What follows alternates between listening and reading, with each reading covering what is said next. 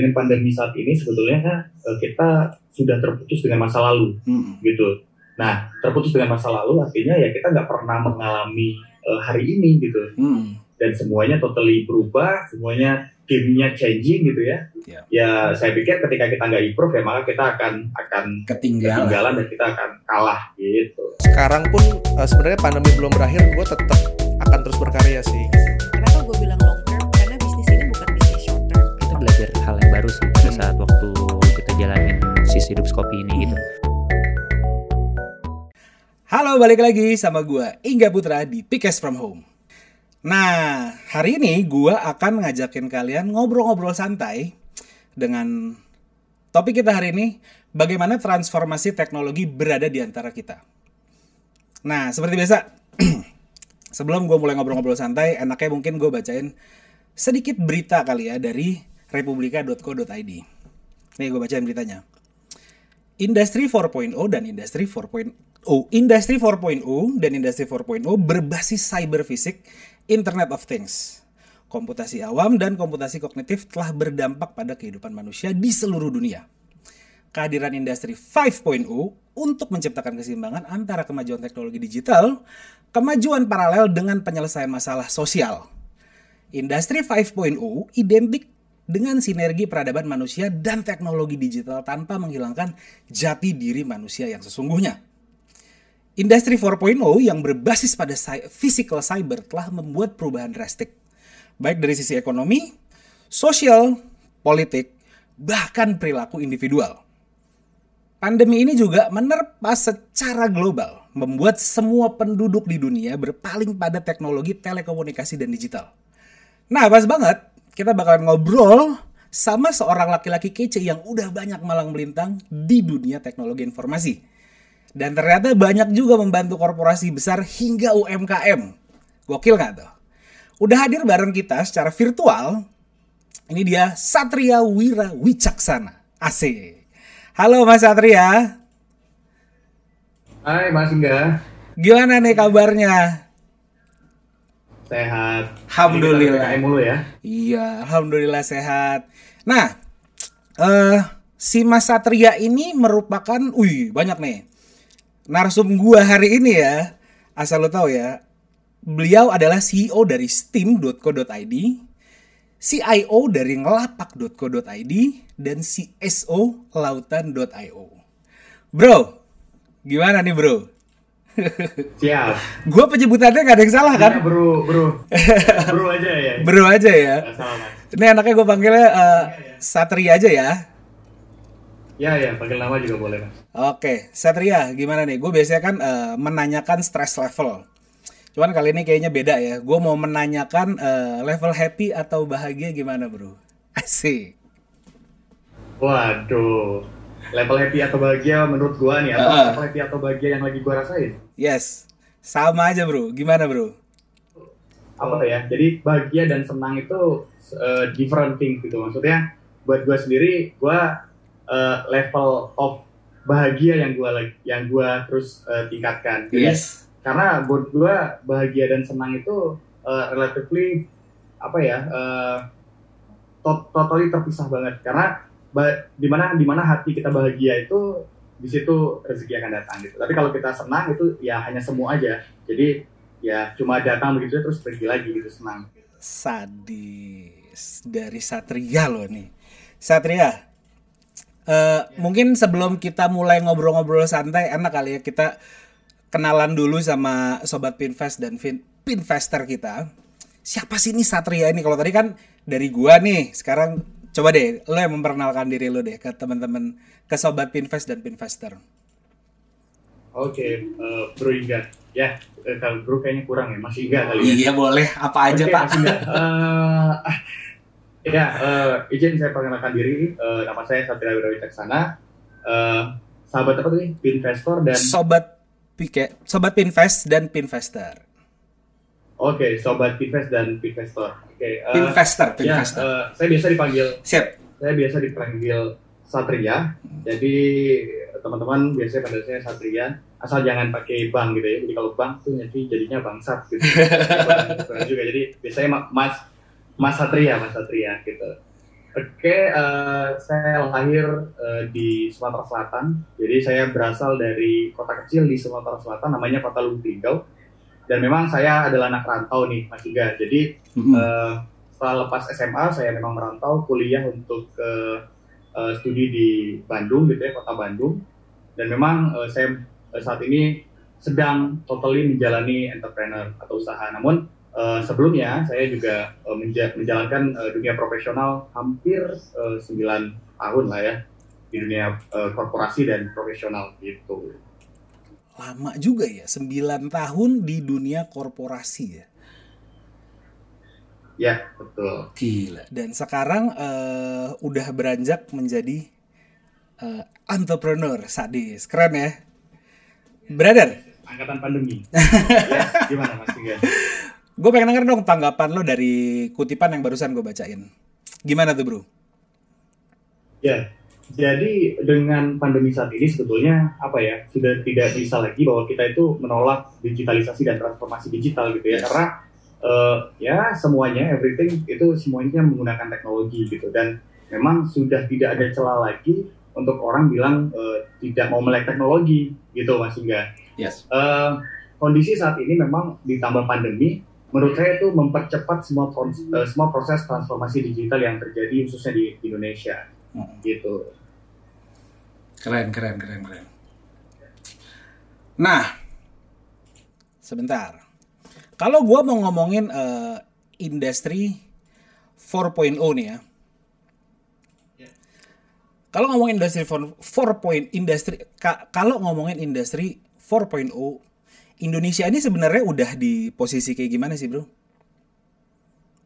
Eh, sebetulnya untuk Indonesia, saya saya pikir adalah banyak sekali anak muda Indonesia itu yang memang eh, berada di dalam dunia riset dan teknologi. Cuma memang kondisi saat ini adalah eh, apakah kita kita yang muda-muda ini diberikan kesempatan untuk kemudian eh, memberikan sebuah solusi ataupun sebuah kontribusi pada negara Mm-mm. mengenai teknologi itu sendiri gitu loh karena Ya.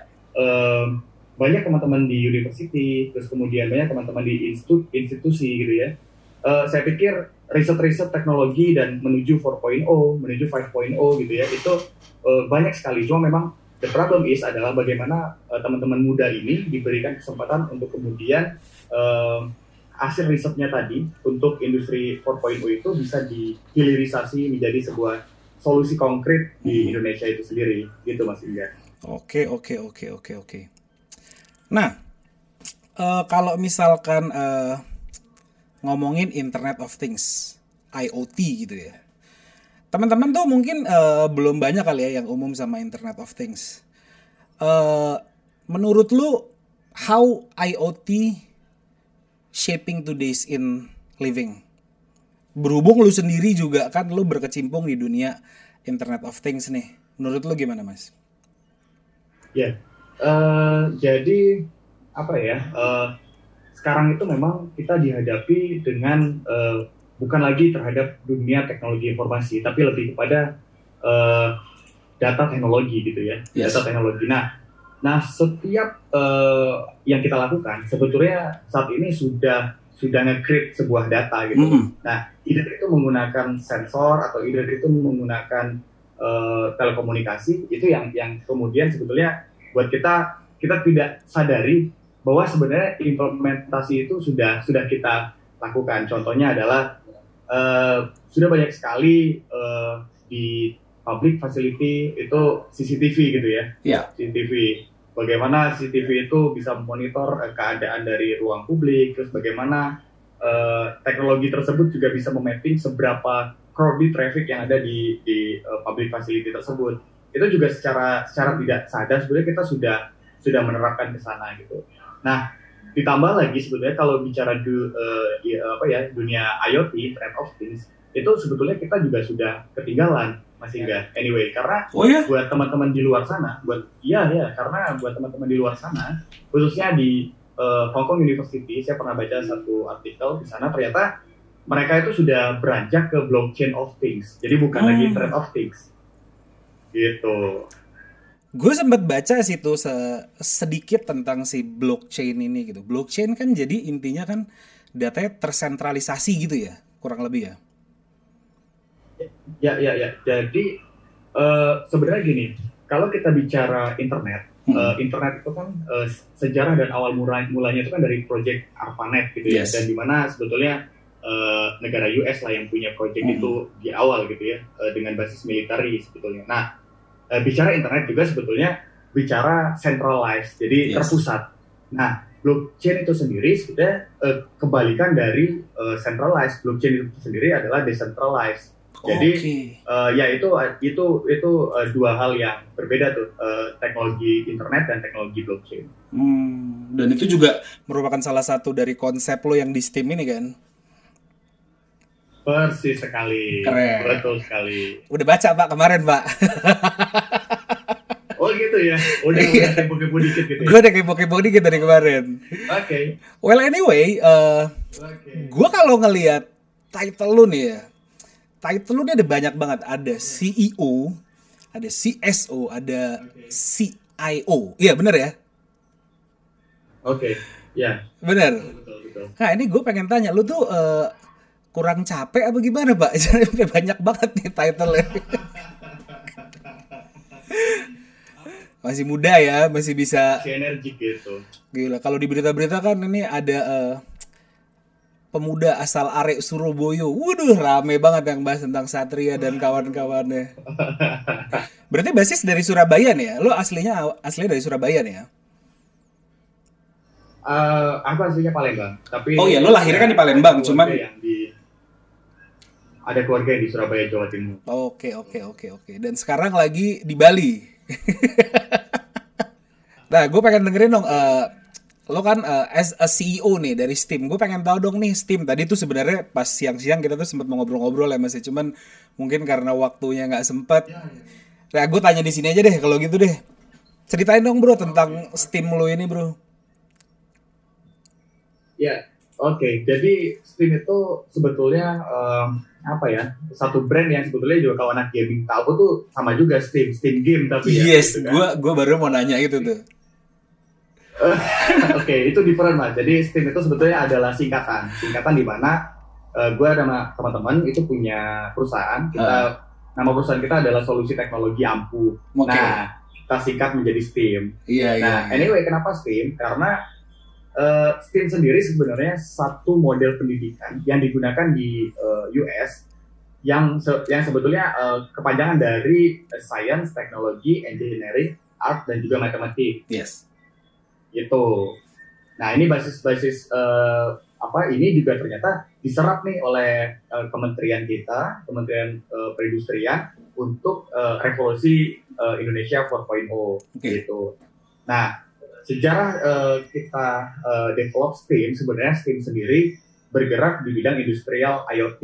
Jadi antara Internet of Things dan industrial Internet of Things itu itu eh, juga different mas hingga. Nah, di Steam sendiri kami eh, kebetulan memang mendapatkan amanah untuk mengerjakan salah satu proyeknya eh, BUMN Oil and Gas dan itu juga eh, blessing sekali karena kita dipercaya untuk eh, pegang saat ini eh, 11 site bandara eh, Sebelas. DPPU gitu ya. Eh, di- ya 11 site. DPPU, DPPU itu em, depot pengisian pangkalan udara Oke. gitu. Jadi kita monitoring eh, aftur eh, kesedia ketersediaan aftur di bandara di Indonesia. Gitu Mas Iga. nggak main-main sih se- gu- sekaliber Pertamina gua pernah bekerja di sempat pernah bekerja di sebuah perusahaan K3S lah salah satu K3S di industri oil and gas gitu dan memang untuk memasuki ranah ke situ tuh bukan perusahaan yang ece-ece sih bisa sampai masuk ke situ tuh bukan perusahaan ece-ece sih sadis ya berarti ya sistem ini ya Jadi aku juga dulu sebenarnya sedikit cerita Mas Iga. Aku eh, pertama karir gitu ya. Mhm. Jadi dari eh, saya berkuliah di ITB Institut Teknologi Bandung. oke Di sana eh, saya ngambil eh, major eh, teknik elektro, Mhm. embedded system, robotik gitu ya. Hmm. Nah, eh, kemudian memang eh, saat itu ketika saya semester akhir, eh, saya diber- di kesempatan u- untuk mengikuti Olimpiade, Olimpiade Sains Pertamina Oke. waktu itu gitu ya. Nah, dan saya mendapatkan sebuah kesempatan untuk bisa magang nih di salah satu grup Pertamina dan saat itu eh, penempatan saya di grup eh, di Pertamina Foundation Oke. gitu. Jadi eh, berkat hubungan baik sih mas. Jadi apa ya? eh, banyak teman kan katanya banyak rezeki gitu ya mas ya. Yes. Jadi ya hubungan baik ini eh, dari awal gitu eh, saya dan teman ini ya terus berlanjut sampai dengan hari ini dan ketika eh, saya dan teman-teman di tim siap untuk bisa membantu teman-teman yang ada di Pertamina ya why not? Keren, keren, keren, keren. Gila keren banget. Jadi intinya lu men- bisa memberikan reporting terhadap 11 gimana sih 11 11 site ya. Dan lu memberikan reportingnya gila. Dan itu lo develop sendiri. Luar biasa nih ITB nih, Idaman Teteh Bandung. Asik. Asik. Anyway juga nyonya orang Bandung loh. Oh gitu, siap siap siap. iya. Besar di Bandung, luar biasa. Iya. Nah, tapi ada juga nih yang nggak kalah keren ya. Project lu ini eh, bareng teman-teman lu kayaknya ya. Itu adalah eh, project ngelapak yang kayaknya di tengah-tengah pandemi ini tuh pas banget ya. eh, kalau ngomongin ngelapak dan membantu UMKM. Coba dong bro ceritain bro tuh kayak gimana tuh eh, projectnya tuh bro. Nah, ini juga eh, salah satu apa ya startup yang unik gitu ya. Mm-mm. Eh, awal mula sebetulnya mengenai ngelapak ini kita dipertemukan di salah satu eh, para para founder ngelapak itu dipertemukan di salah satu eventnya Pak Mahdi Kuwowi, Mas, Oke. Bos Soloyo. Iya. Nah, eh, di Jogja gitu. Nah, jadi di saat itu kita sepakat, wah kita melihat sebetulnya, wah ini eh, roda perekonomian Indonesia sebetulnya digerakin 90%-nya UMKM nih gitu ya. Tapi Mm. kok masih banyak sebetulnya uh, pain point UMKM di Indonesia. Ya. Nah dari sana kita berangkat bahwa ya kita petain nih uh, mind map-nya, problemnya, apa yang mau kita solve, dan kita terterus untuk bagaimana UMKM ini punya sebuah kanal gitu ya, dan sifatnya itu adalah aplikasi untuk kemudian dia punya authority atas bisnis yang dia lakukan. Gitu mas. sadis. Gue sempat lihat sih beberapa merchant-merchant yang eh, mereka sign up ya berarti di tempat di tempat lo ya. Mereka tuh punya kayak kanal sendiri udah kayak app sendiri ya berarti ya. Ya betul betul betul. Jadi istilah kerennya kita bilang uh, independent e-commerce. Asli, asli keren keren. Dan itu rata-rata mer- eh, merchant ini ya, makanan ya. kebanyakan kebanyakan untuk saat ini merchant makanan cuma memang F&B eh, kali ya kita bilangnya ya. untuk umum ya. Betul food and beverage betul Hmm. F&B tapi juga tidak menutup kemungkinan Mas Siga untuk Hmm. teman-teman UMKM ini apa pun itu kayak misalkan pengrajin aksesoris Mm-mm. atau kemudian dia punya eh, jasa eh, desain grafis atau Iya, men, itu- programming dia juga bisa punya aplikasi sendiri Betul, gue karena gue ngeliat scope-nya tuh cukup luas ya pas gue ceki-ceki kemarin gitu kan. Wih, jadi mereka ini bisa punya literally kayak app sendiri gitu loh. Gue ngeliatnya kayak dan itu for free ya di awal ya. Ya, ya, ya, ya. Jadi untuk ngelapak sendiri sebetulnya kita ada tiga keyword mas yang mau kita bantu Mhm. gitu loh untuk UMKM Indonesia. Pertama, bagaimana UMKM itu mudah untuk mengakses permodalan itu sendiri. Mhm. Kedua, bagaimana UMKM itu bisa memasarkan dan closing nih produknya gitu. Terkadang terkadang modal ini juga tidak menjadi urutan nomor satu nih di saat pandemi. Yang nomor satu adalah bagaimana jualan mereka ini laku gitu. Oke. Dan mereka mendapatkan pendapatan untuk menyambung hidup gitu. Mhm. Dan ketiga itu mengenai eh, literasi pembayaran digital gitu. Nah, dengan aplikasi yang tadi di develop oleh Ngelapak, kami harap sebetulnya UMKM ini punya sebuah kanal baru nih ceritanya. Jadi yang mereka terbiasa tadinya mereka sebetulnya sudah sudah moving ke digital. Mereka sudah gunakan eh, marketplace gitu ya. Eh, dan banyak sekali marketplace unicorn di Indonesia kayak Tokopedia, Bukalapak, Shopee. Tapi eh, kami hadir Ngelapak hadir untuk melengkapi nih Mas ceritanya sebuah kanal digital tadi. Keren, keren. Dan orang kalau mau daftar tuh gimana tuh? Kalau misalkan gue merchant nih misalkan, gue mau mendaftarkan tuh gimana tuh caranya tuh? Uh, untuk saat ini memang platform yang kita gunakan masih 1.0 mas. Jadi untuk teman-teman yang mau mendaftar untuk mendapatkan apa ya sebuah aplikasi digital, itu mereka tinggal akses di website kita uh. Di sana mereka mengisi form untuk uh, kemudian data-data yang mereka bisa input dan nanti ada ada supporting team juga dari ngalapak yang siap mendampingi kira sampai dengan teman-teman UMKM itu punya eh, kanal aplikasi digital tadi baik di Android ataupun di iOS. Keren. Dan buat teman-teman yang lagi dengerin dan lagi nontonin kita, nah jangan lupa tuh ya, dicatat.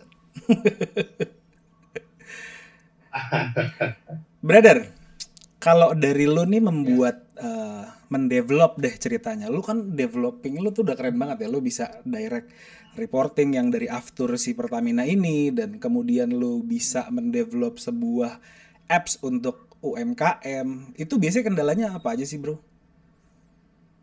Nah, eh, masing-masing industri makanya tadi eh, di depan saya bilang ke Mas Iga, jadi saya running di tiga industri yang totally sangat berbeda sekali. Jadi Iya. kalau misalkan kita di STEAM itu bermain di ranah eh, industri, korporasi besar, kalau di eh, apa eh, nggak apa kita eh, main di ranah UMKM gitu ya. Dan kalau lautan itu sebetulnya eh, sebuah eh, crypto aset ataupun crypto exchange Mm-mm. eh, yang saat ini memang juga lagi rame juga nih di, di kalangan Iya. milenial dan anak muda Mm-mm. di Indonesia gitu. Jadi dua tiga hal yang sangat totally different. Tapi buat buat saya mas gini, eh, dengan kondisi pandemi sekarang sebetulnya di market itu sendiri kita nggak bisa lagi menghit market dengan middle Iya. middle area. Jadi either kita hit dengan dengan eh, bottom of pyramid gitu ya atau top of pyram- pyramid gitu mas. Dan lo hajar yang top of pyramid aja ya berarti ya. Iya, Biar kenceng juga ya. Nah, Nah. kenceng juga. Tapi enggak juga sih mas, karena dengan pandemi sekarang eh, semua dana kan ya eh, direlokasi ya dengan Hmm. eh, eh, apa kebutuhan COVID, terus kemudian kebutuhan masyarakat dan segala macam. Itu juga saya eh, mengalami nih eh, eh, bagaimana bisnis B2B ini sekarang dalam masa yang ya challenging dan survive. Banget, banget. Gue setuju. Kalau untuk ngomongin challenging tuh gue setuju banget. Lalu menarik ya, tadi kan lo sempat mention tentang si lautan.io. Gue padahal belum masuk situ sih, cuman ya udah karena lo udah membahas nih ya. Dan memang eh, si cryptocurrency ini kan juga lagi rame nih. Gue sejujurnya ya, gue punya beberapa temen gue yang dulunya nggak terlalu interest soal itu gitu loh. Topik mereka saat ini kurang lebih udah ngomongin soal cryptocurrency. Udah keren-keren deh bro, maksudnya topiknya tuh udah ngomongin ke arah investasi gitu. Yang di mana kadang-kadang gue, wih kok lo masih muda udah paham aja gitu loh. Kenapa gue nggak, gue gue kadang gue sempat berpikir, kenapa gue dari muda gue nggak coba mau into deep. Kalau dari lu, menurut lu gimana nih? Kan lagi rame nih. Ceritain dong bro, coba. Menurut pendapat lu deh. Eh, menurut pendapat gue sebetulnya gini mas, Eh, apa ya di Indonesia sebetulnya eh, kaget-kagetan ya, maksudnya dengan orang itu eh, lagi happeningnya itu kripto, semuanya main kripto gitu. Yes. Nah, eh, salah satu yang mungkin kemarin saya sempat eh, ngobrol juga nih dengan eh, Mas CEO kita, Mas Pandi, Hmm. Invest. Ini sebuah sebuah cara baru dan kanal baru yang saya pikir eh, bagaimana mengedukasi milenial dan zilenial ini untuk sebetulnya melek dulu investasi sebelum mereka memilih instrumen-instrumen yang ada. Karena kan bicara eh, kripto as eh, aset investasi mesti juga harus diukur nih risknya seperti apa Ya. gitu.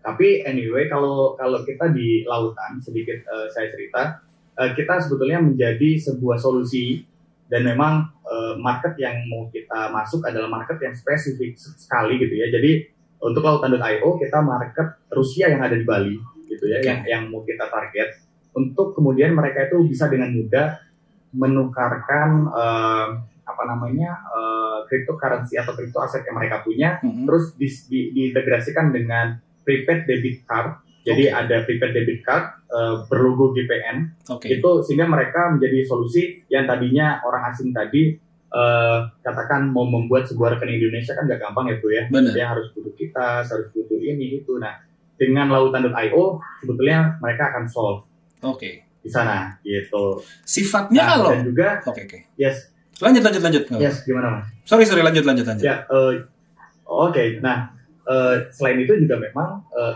lautan.io kita juga punya apa ya sister company juga yang memang eh, ke depan akan membuat sebuah token token lautan gitu ya. Jadi token laut di mana sebetulnya dengan menggunakan underlying eh, project yang real dan project yang real tersebut adalah tambang emas Oke. gitu. Jadi lautan dan .io adalah platform untuk exchange untuk diintegrasikan kepada prepaid debit card tadi. Mhm. Tapi di sisi lain juga di di grup kita yang di sebelah kita juga saat ini sedang menyiapkan koin-koin lautan nih mas, koin lautan.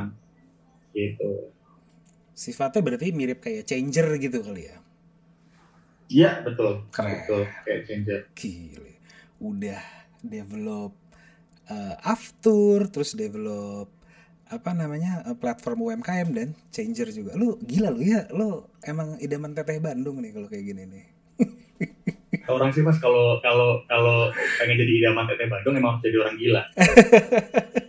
Kenapa gitu tuh? Iya dong. Jadi jadi eh, kalau orang gila itu kan gila tanda kutip loh ya. Iya, iya. Gila yang gimana?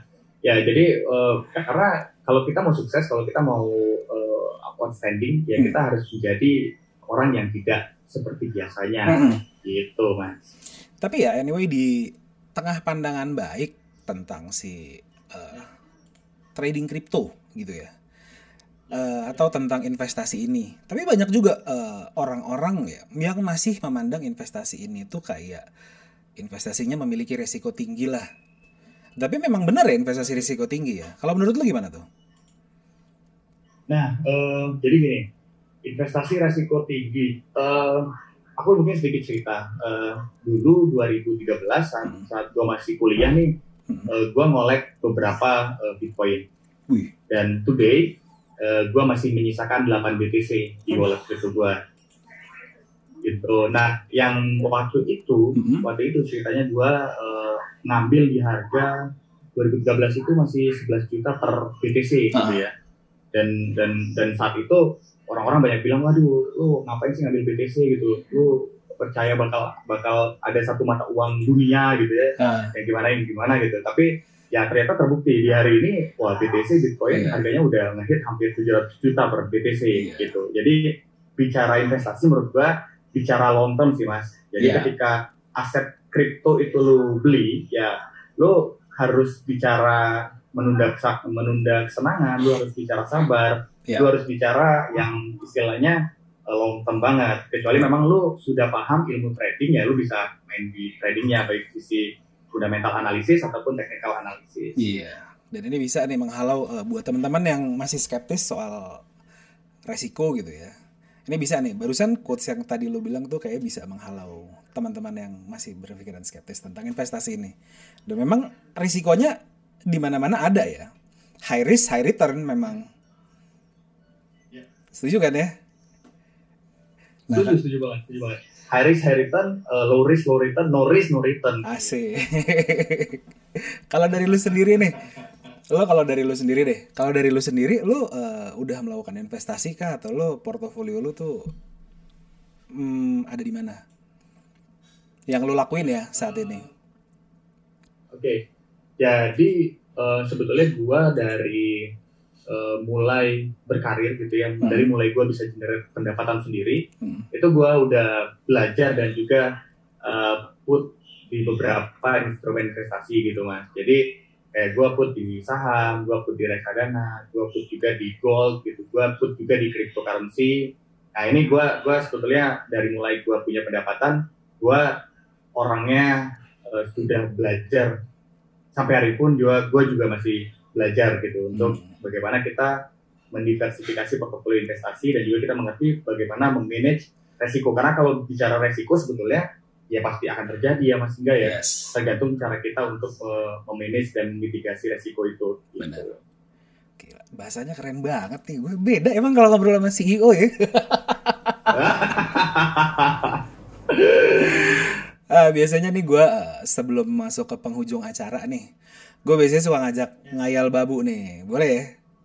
Oke, oke, boleh dong, boleh dong.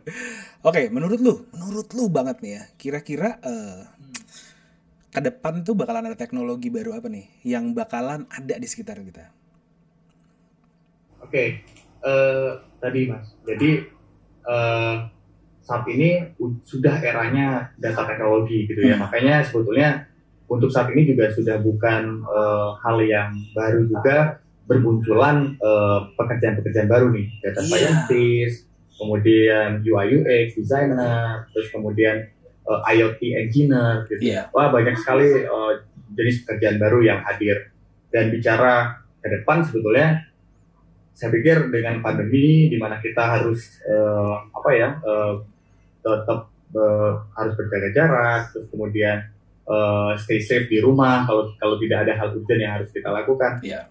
Everything saya pikir semuanya akan eh, IoT pada waktunya gitu. Keren. Semuanya bakal dikendalikan eh, lewat eh, teknologi. Contohnya ya tadi ya, saya memang eh, challenge challenge IoT di Indonesia karena juga saya eh, ada beberapa teman-teman yang memang terlibat aktif di ASIOT. ASIOT itu Asosiasi eh, IoT Indonesia. Oh ada tuh ya. Eh, itu memang menjadi challenging adalah ada ada ada ada ada, Challenging. ada asosiasinya mas. Teman-teman yang memang bergerak di, di IoT Challenging. Ya, challengingnya tadi jadi? Ya eh, jadi challengingnya ya memang infrastruktur di Indonesia saat ini ya baru mau masuk gerbang 5G gitu. Nah kembali ke cerita awal tadi di Steam sendiri sebetulnya yang kita lakukan dengan eh, Pertamina kita baru sebatas monitoring nih mas. Belum sampai controlling. Nah dengan adaptasi teknologi dan adaptasi eh, apa eh, 5G ke depan saya pikir untuk industri IoT ke depan akan lebih maksimal lagi. Bukan cuma bisa monitor, tapi juga bisa kontrol. sadis.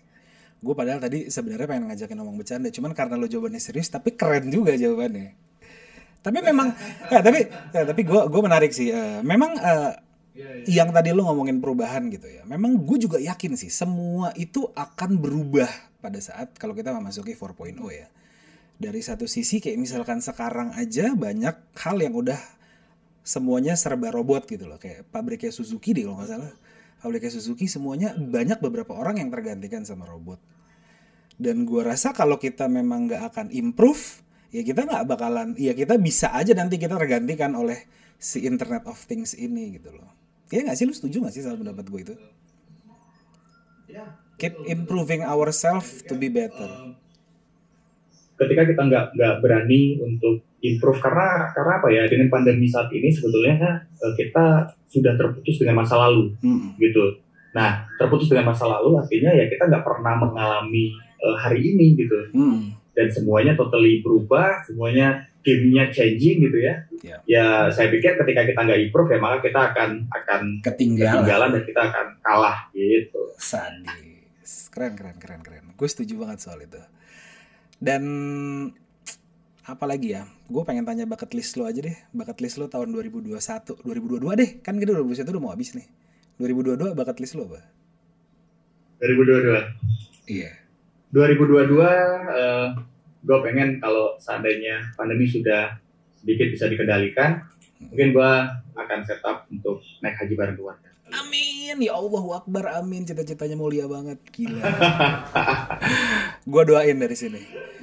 Lalu ada next project apa nih buat si Amin, amin, amin, amin. Amin. Buat next project tahun depan ada apa aja nih? Saat ini Confidential? Belum sih mas, mungkin untuk saat ini kita kita lebih kepada buat buat buat buat gue pribadi kayaknya kita eh, fokus dulu di tiga hal ini sih mas. Keren. fokus dulu ke tiga hal ini. Jadi eh, kita kita memang harus fokus di eh, industri IoT, terus Hmm. kemudian kita membantu UMKM tadi dengan lapak, dan Ya. terakhir cryptocurrency dengan lautan gitu. Luar biasa. CEO, CSO, dan CIO kita. Any last word? Any last word bro buat teman-teman kita di luar sana?